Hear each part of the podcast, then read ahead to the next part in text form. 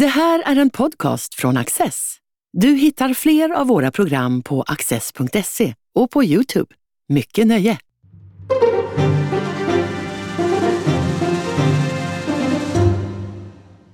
Välkomna till Studio Access. Min gäst idag är Claes Eklund, ekonom vid eh, advokatfirman Mannheimer Swartling, tidigare chefekonom i SCB med lång erfarenhet från Finansdepartementet och författare till en rad böcker i ekonomiska ämnen. Varmt välkommen Claes. Tack så mycket. Vi spelar in det här programmet på förmiddagen onsdagen den 20 september. Finansminister Elisabeth Svantesson har precis presenterat budgetpropositionen för nästa år.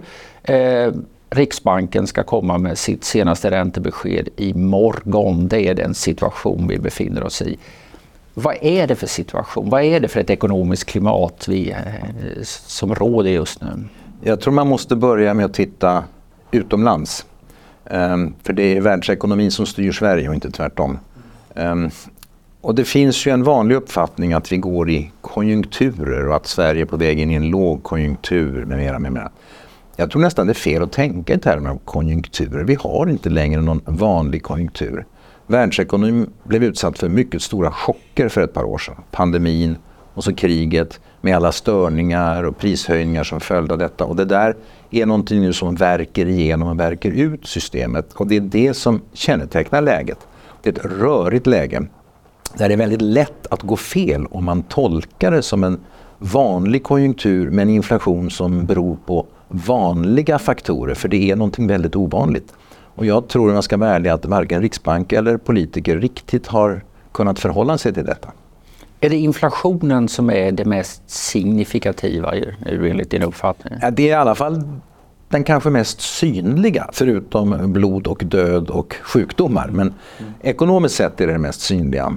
Och eh, det traditionella sättet att hantera inflation är ju att kyla av ekonomin. För inflation kommer ofta från efterfrågesidan. Men den här gången kommer ju inte inflationen från efterfrågesidan. Den kommer från, som ekonomerna säger, utbudschocker. Det jag nämnde förut, alltså pandemi, stängda länder, stängda gränser, brist på containers, brist på halvledare och så oljeprischock och gasprischock och elprischock. Och nu faller allt det där bort gradvis och i några länder i snabbare takt. Och att då kyla av ekonomierna för att få ner en, en efterfrågeinflation som inte riktigt finns förefaller mig vara fel tänkt. Det hade varit bättre att jobba med att stoppa en del prishöjningar kanske där, det var, där vi visste att de var tillfälliga, att bryta upp flaskhalsar och så vidare. Jag säger inte att Riksbanken inte och Federal Reserve och Bank of England inte borde höja räntorna alls, för det är klart att man måste. Men jag tror att de har fokuserat för mycket på, ska vi kalla det för traditionell inflationsbekämpning i ett läge där inflationen inte beror på de traditionella faktorerna utan i väldigt mycket är engångseffekter. Mm. Alltså de har ju redan höjt räntorna eh, i ganska många steg vid det här laget. Men tycker du man ska fortsätta? Ja, jag, jag, blir, jag tror att Riksbanken imorgon, vi spelar alltså in detta då dagen innan deras möte äger rum, men jag gissar att de höjer för de har sagt i princip att de ska höja. Alla, analy alla analytiker tror att de ska höja men jag är inte alls säker på att det behövs på grund av att om man tittar framåt så håller alla egentligen med om att inflationen nästa år är tillbaka på målet 2% och några spår till och med att den är under 2% och det finns eh, ett fel i dagens diskussion där många säger automatiskt på något vis inflationen är hög, alltså måste Riksbanken fortsätta att höja. Men inflationen är hög på grund av hur vi mäter inflation. Inflationsmåttet är av tradition ett 12 tal, alltså inflationen under det senaste året. Och att den fortfarande är hög beror på att fjolårets prishöjningar ligger kvar i 12 månaderstalet. Tar du bort det som hände i fjol och ser på det som händer nu, då är inflationen nästan borta. Inte i alla sektorer, men i de flesta. Och jag tycker då att penningpolitiken och finanspolitiken, budgeten, mer bör titta framåt på prognoserna och anpassa politiken efter det. Inte utgå från den inflation som ägde rum i fjol och som kommer att falla bort. Så jag tycker Riksbanken både är för tillbakablickande och försiktig och jag tycker även finanspolitiken, dagens budget är för tillbakablickande och försiktig. Jag förstår faktiskt inte riktigt varför man inte kan tänka framåt utan tänker bakåt. Alltså det ligger ju nära till hands här att recensera Riksbankens insatser och ser man den över en längre tidsperiod så har de gjort eldat på som allt vad de förmådde för att öka inflationen i ett skede och haft väldigt låga räntor när efterfrågan var god. Och nu med sväktande efterfrågan så, så trycker man upp räntorna. och man en... behöver inte vara keynesian för att tycka att detta är en, kanske inte helt självklart. Nej. Och skälet till det är att de har varit alldeles för fokuserade på just den kortsiktiga nationella inflationen under en period när tidigare då inflationstrycket var extremt lågt på grund av internationella faktorer. Att då en centralbank i ett litet valutaområde i ett litet land med nationella metoder, alltså negativ ränta, försöker trycka upp den egna inflationen i en omvärld med mycket låg inflation då måste man ta i så man kräks. Vilket var precis vad man gjorde med de negativa räntorna och resultatet blev fastighetsbubbla etc. etc. Och nu finns risken att man gör precis likadant fast mot motsatt håll. Det vill säga att vi lever i en period när den internationella inflationen faller överallt på grund av de här baseffekterna jag pratade om förut. Och ändå försöker denna lilla centralbank i ett litet nationellt valutaområde trycka ner inflationen ännu mer. Att säga. Så jag tycker det finns en uppenbar risk när man, eller när man ska recensera centralbanken eller Riksbanken så har de tagit i för mycket både neråt och uppåt. Och skälet är att de sitter i en modellvärld som så hårt koncentrerar sig på inflationsmåttet så som det ser ut och vägrar på något vis acceptera överskridande eller underskridande av det måttet. Man tänker för lite på den faktiska ekonomin och man stirrar för mycket på modellen och ja, inflationsmåttet. Ett skäl till inflationstrycket i svensk ekonomi är rimligen den svaga svenska kronan. Att import blir väldigt dyrt eh, för Sverige. Häromdagen noterades väl eh, kronan till, hela 12 kronor eh, mot euron som är väl den lägsta kursen som har uppmätts hittills. Är det Riksbankens fel då att den svenska kronan är så svag? Ja och nej. Alltså, en del av orsaken är antagligen den tidigare penningpolitiken. Alltså, glöm inte att Sverige i 50 år eh, har försökt lösa olika typer av kriser och utmaningar genom att försvaga sin valuta.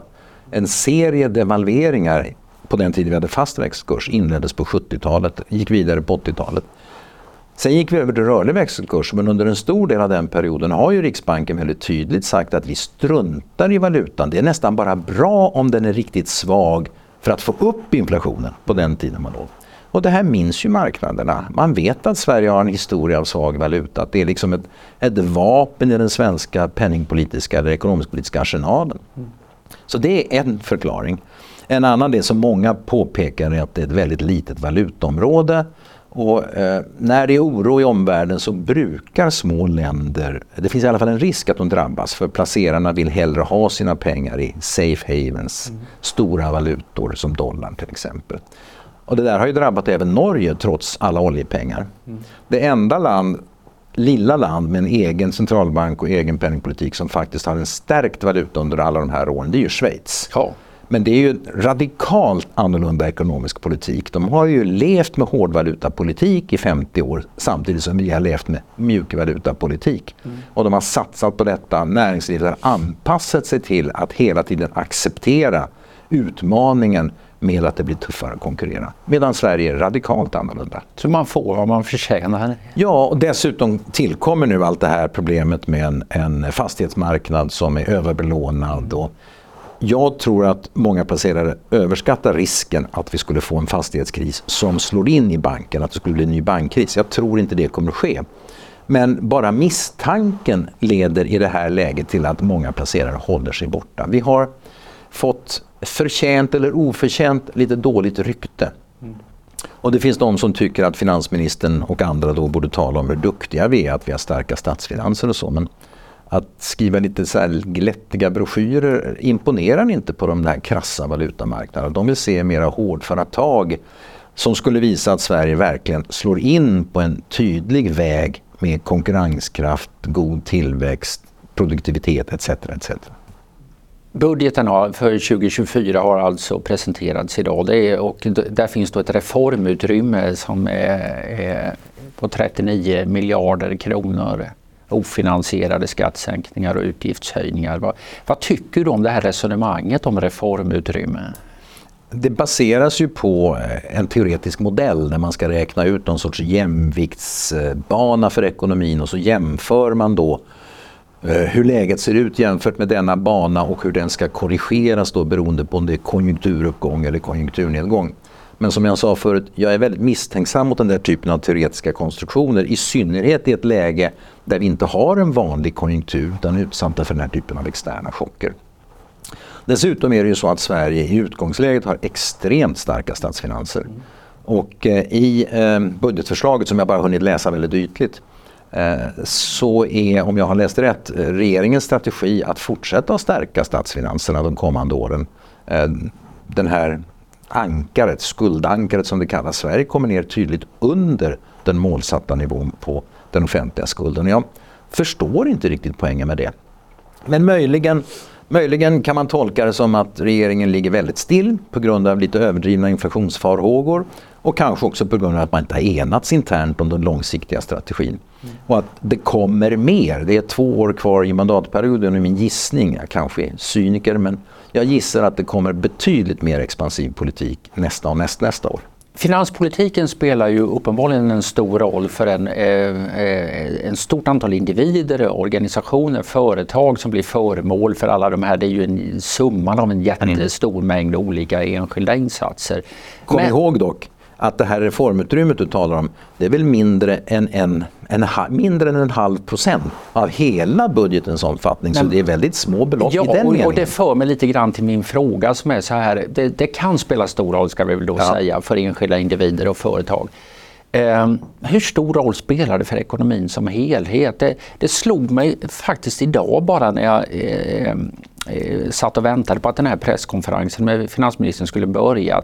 För ett antal år sedan då var alla i spänd förväntan. Budgeten läggs fram, marknaderna är på helspänn. Eh, hur ska de reagera? Jag har inte sett en rad om detta, vad jag kan komma på, om liksom att marknaden är taggad och eh, nervös inför budgetpresentationen. Är, är finanspolitiken så att säga snöpt i relationen till eh, den faktiska utvecklingen. Ja, regeringen och finansministern har i viss mån snöpt sig själva genom att säga att vi måste hjälpa Riksbanken att bekämpa inflationen. Mm.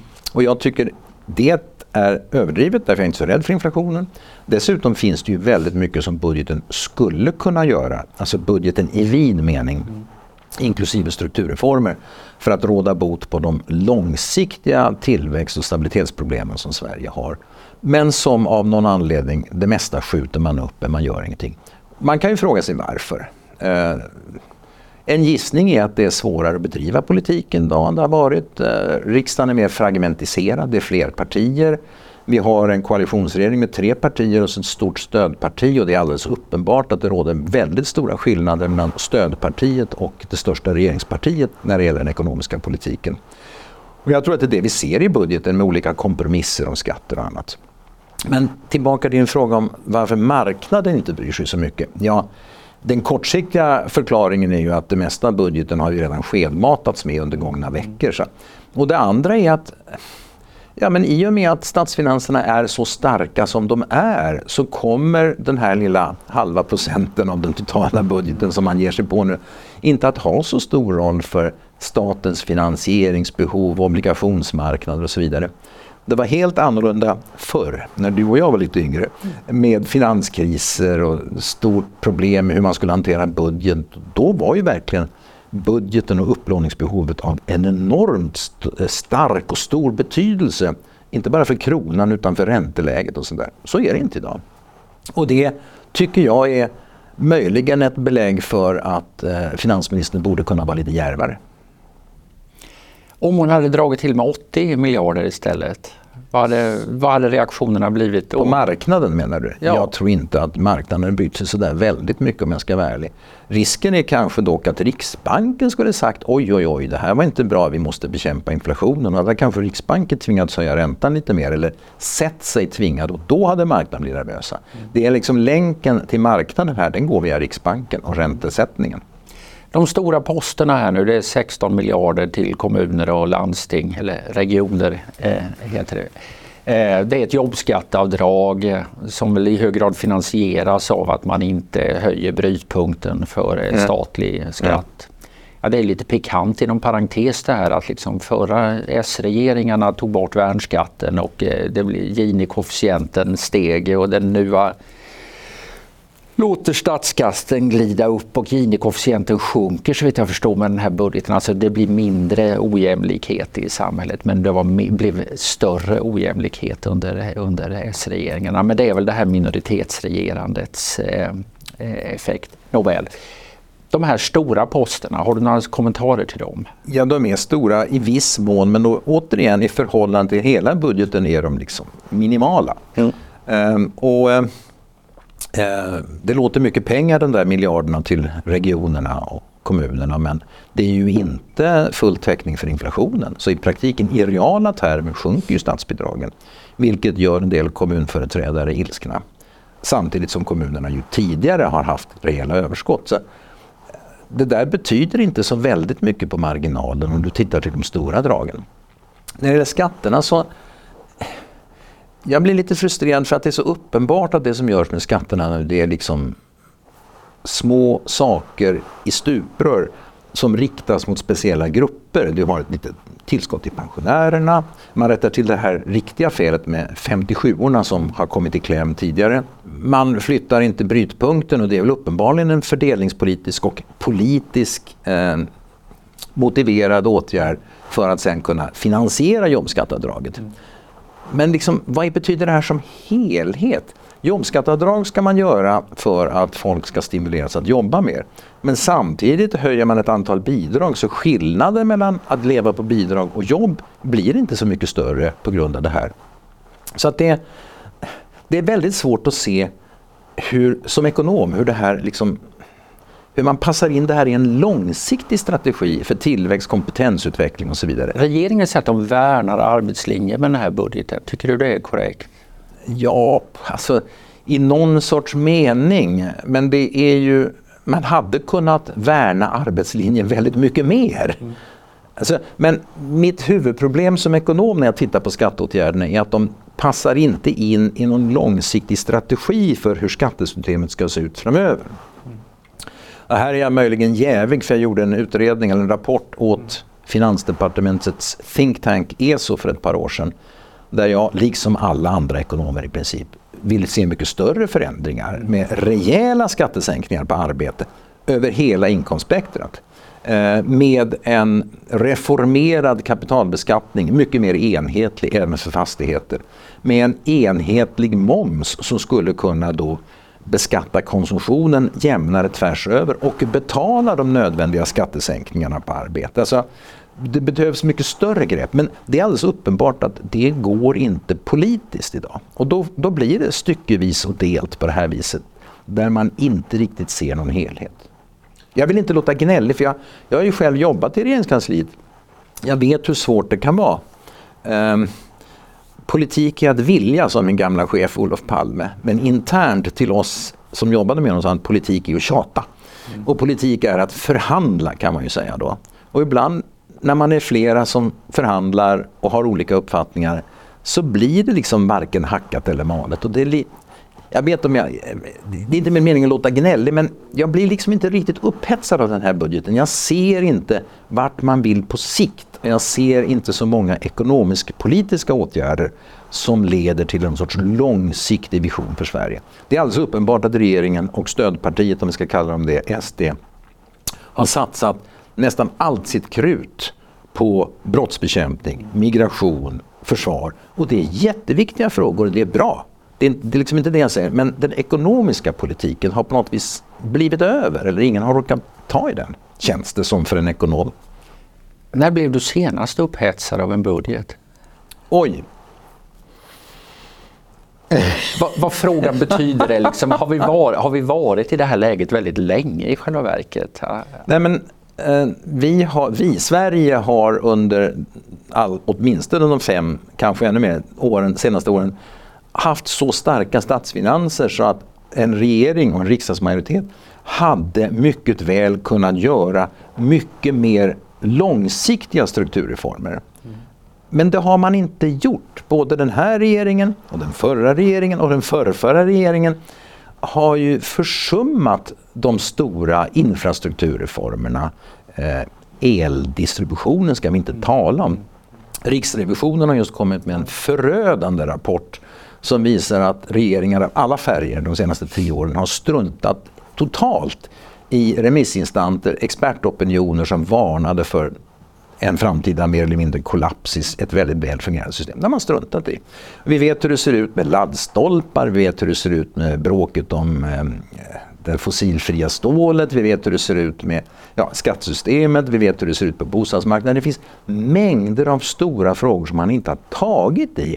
Och budgetarna har varit på något vis kompromissprodukter i ett läge med bräckliga regeringsbildningar och små, små majoriteter eller inga majoriteter alls i riksdagen. Och jag kan förstå att i det läget är frestande att liksom ta de kortsiktiga besluten. Men som ekonom kan jag inte påstå att jag blir upphetsad av sådana budgetar. Om det bara nu är det som man frågar. Negativt upphetsad, upprörd kanske. Ja. Sverige har eh, en av de högsta arbetslösheterna inom EU och, mm. och i gengäld en av de lägsta eh, tillväxttalen. Mm. Eh, förklaras det av den här frånvaron av strukturella grundläggande grepp som inte, du beskriver? Inte fullt ut, men alltså, vi har ju en väldigt konstig arbetsmarknad på ett sätt om du bara tittar på siffrorna. För å ena sidan har vi precis som du säger hög arbetslöshet som spås stiga ännu mer nästa år av de flesta prognosmakare. Å andra sidan har vi en väldigt hög sysselsättning och sysselsättningsgrad. Eh, och det är svårt att få ihop det här på annat sätt och, och vi har arbetskraftsbrist i många sektorer. Mm. Det är svårt att, att, få ihop det här på något annat sätt än att konstatera att Sverige har en, en arbetsmarknad som inte fungerar särskilt väl. Matchningen funkar inte. De arbetslösa har sällan den kompetens eh, som arbetsgivarna kräver. Och då får du massa konstiga effekter som ekonomerna kallar labour hoarding eh, som gör att konjunkturen inte ser ut som vanligt. Denna förbannade konjunktur igen. Här, här finns ju mängder av förslag på vad man kan och borde göra för att förbättra integration, kompetens, skola, allt sånt där. Mm. Och återigen, jag ser ambitiös, eller ambitiös, men jag ser försök att rätta till en del av de här sakerna. Men det där riktigt stora, kraftfulla programmet för att få ner långsiktsarbetslösheten, det, det ser jag inte riktigt. Mm. Och det är, det är en svår uppgift, jättesvår De här skattereformerna som du skisserade här om året, är det de som är mest centrala för att komma åt arbetsmarknadsproblemen? Ja, de plus utbildning och kan vi säga en kulturrevolution. Nu, alltså, ja, nej men alltså, friska takter. Nej ja. men uppriktigt sagt, eh, om vi har en stor grupp nyanlända där många kvinnor är hemma Eh, med en familj och inte kan prata svenska. Det är inte så jäkla lätt att få in dem på arbetsmarknaden. Det är det jag menar med stora kulturella förändringar. Och jag är den första att förstå att, att detta är väldigt svårt och tar väldigt lång tid. Men där ligger ju ett problem. Är det till och med så att man får betrakta det som en sorts sankost och eh, ta ner invandringstalen och sen se till att de som nu kommer, kommer in på arbetsmarknaden? Det bär mig emot att kalla det för sank kost. Då låter man ju verkligen som en bizarr ekonomcyniker. Men, men, men jag bara konstaterar att detta kommer att ta väldigt lång tid. Och det är ytterligare ett exempel på tidigare beslut som växer till stora kostnader över tiden. Underlåtenhetssynder så att säga, som vi nu får betala för. Mm. Nej, men jag menar mer att det, det, här finns ett reellt problem men man måste kanske också inse att alla problem går inte att lösa. Nej, i alla fall går de inte att läsa fullt ut men det går i alla fall att förbättra situationen, det är jag övertygad om. Sverige har låg produktivitet. Vad är huvud... Och det är väl en grundförklaringen till att tillväxten är svag. Vad är, vad är huvudförklaringen till det tror du? Sverige är ju inte det enda land som har satt, sett en försvagning av produktivitetstillväxten. Alltså med produktivitet menar vi då produk, i princip produktion per arbetstimme. Ja, och rätt, effektivitet. Ja, rätt uttryck är att vi har en svag produktivitetsutveckling. Ja. ja. Och, och det har de flesta länder sett en försvagning. Men den svenska försämringen har varit större än i många andra länder.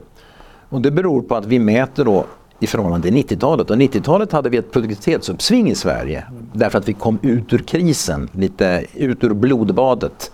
Med en, en mindre men sundare ekonomi kan man säga.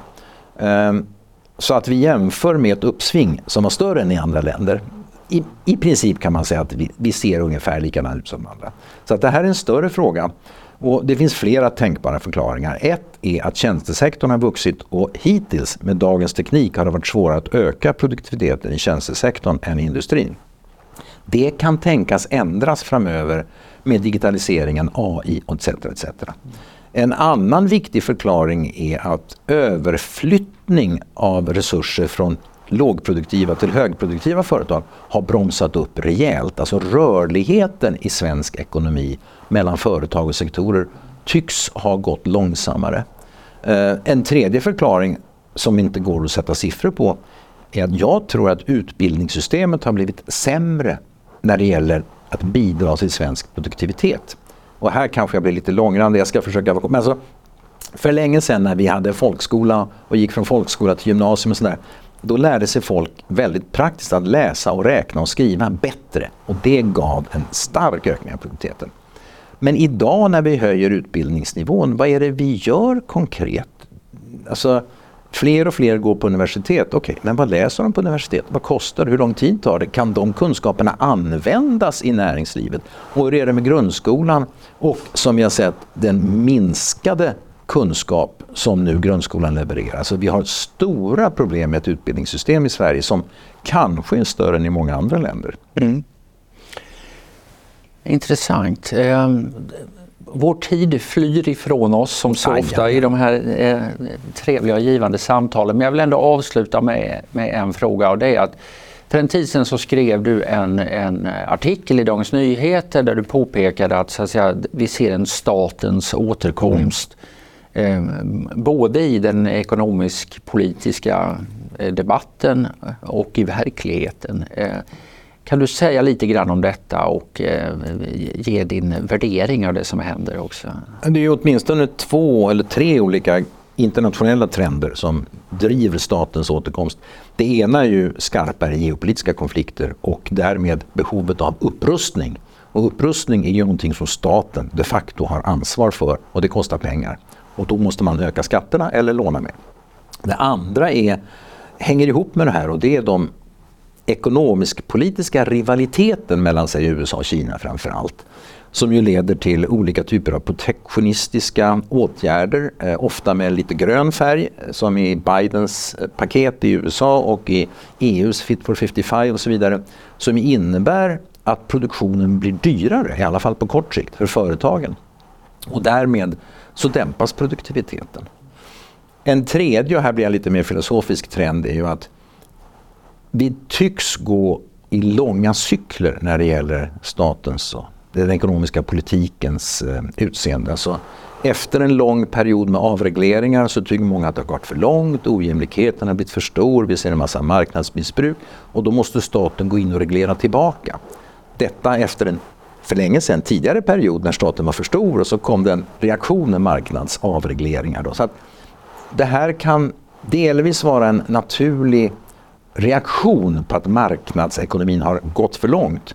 Och sen å andra sidan en, en rationell reaktion på protektionism, krig, krigshot. Vi lever i förkrigstid, förlåt att jag säger det, och då blir staten starkare. Avslutningsvis, är detta bra eller dåligt? Alltså jag tror inte det går att säga. I några avseenden är det bra. Alltså jag tycker det är självklart att, att det är bra att vi rustar upp det svenska försvaret efter ett antal år av avrustning. Ehm, jag tycker också det är bra att staten tar ett större ansvar för, ehm, så vi kallar det för den gröna omställningen i vid mening.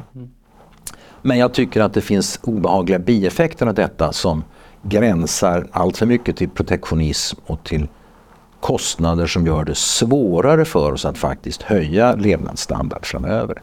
Så att uh, it works both ways. Jag tror inte det går att sätta någon enkel stämpel på det. Men det innebär stora risker och problem för många företag som har att förhålla sig till ett växande regelverk i USA, Europa, Sverige där liksom reglerna går, ofta går på tvärs mot varandra. Det blir mycket bökigare att arbeta i näringslivet framöver. Det är negativt.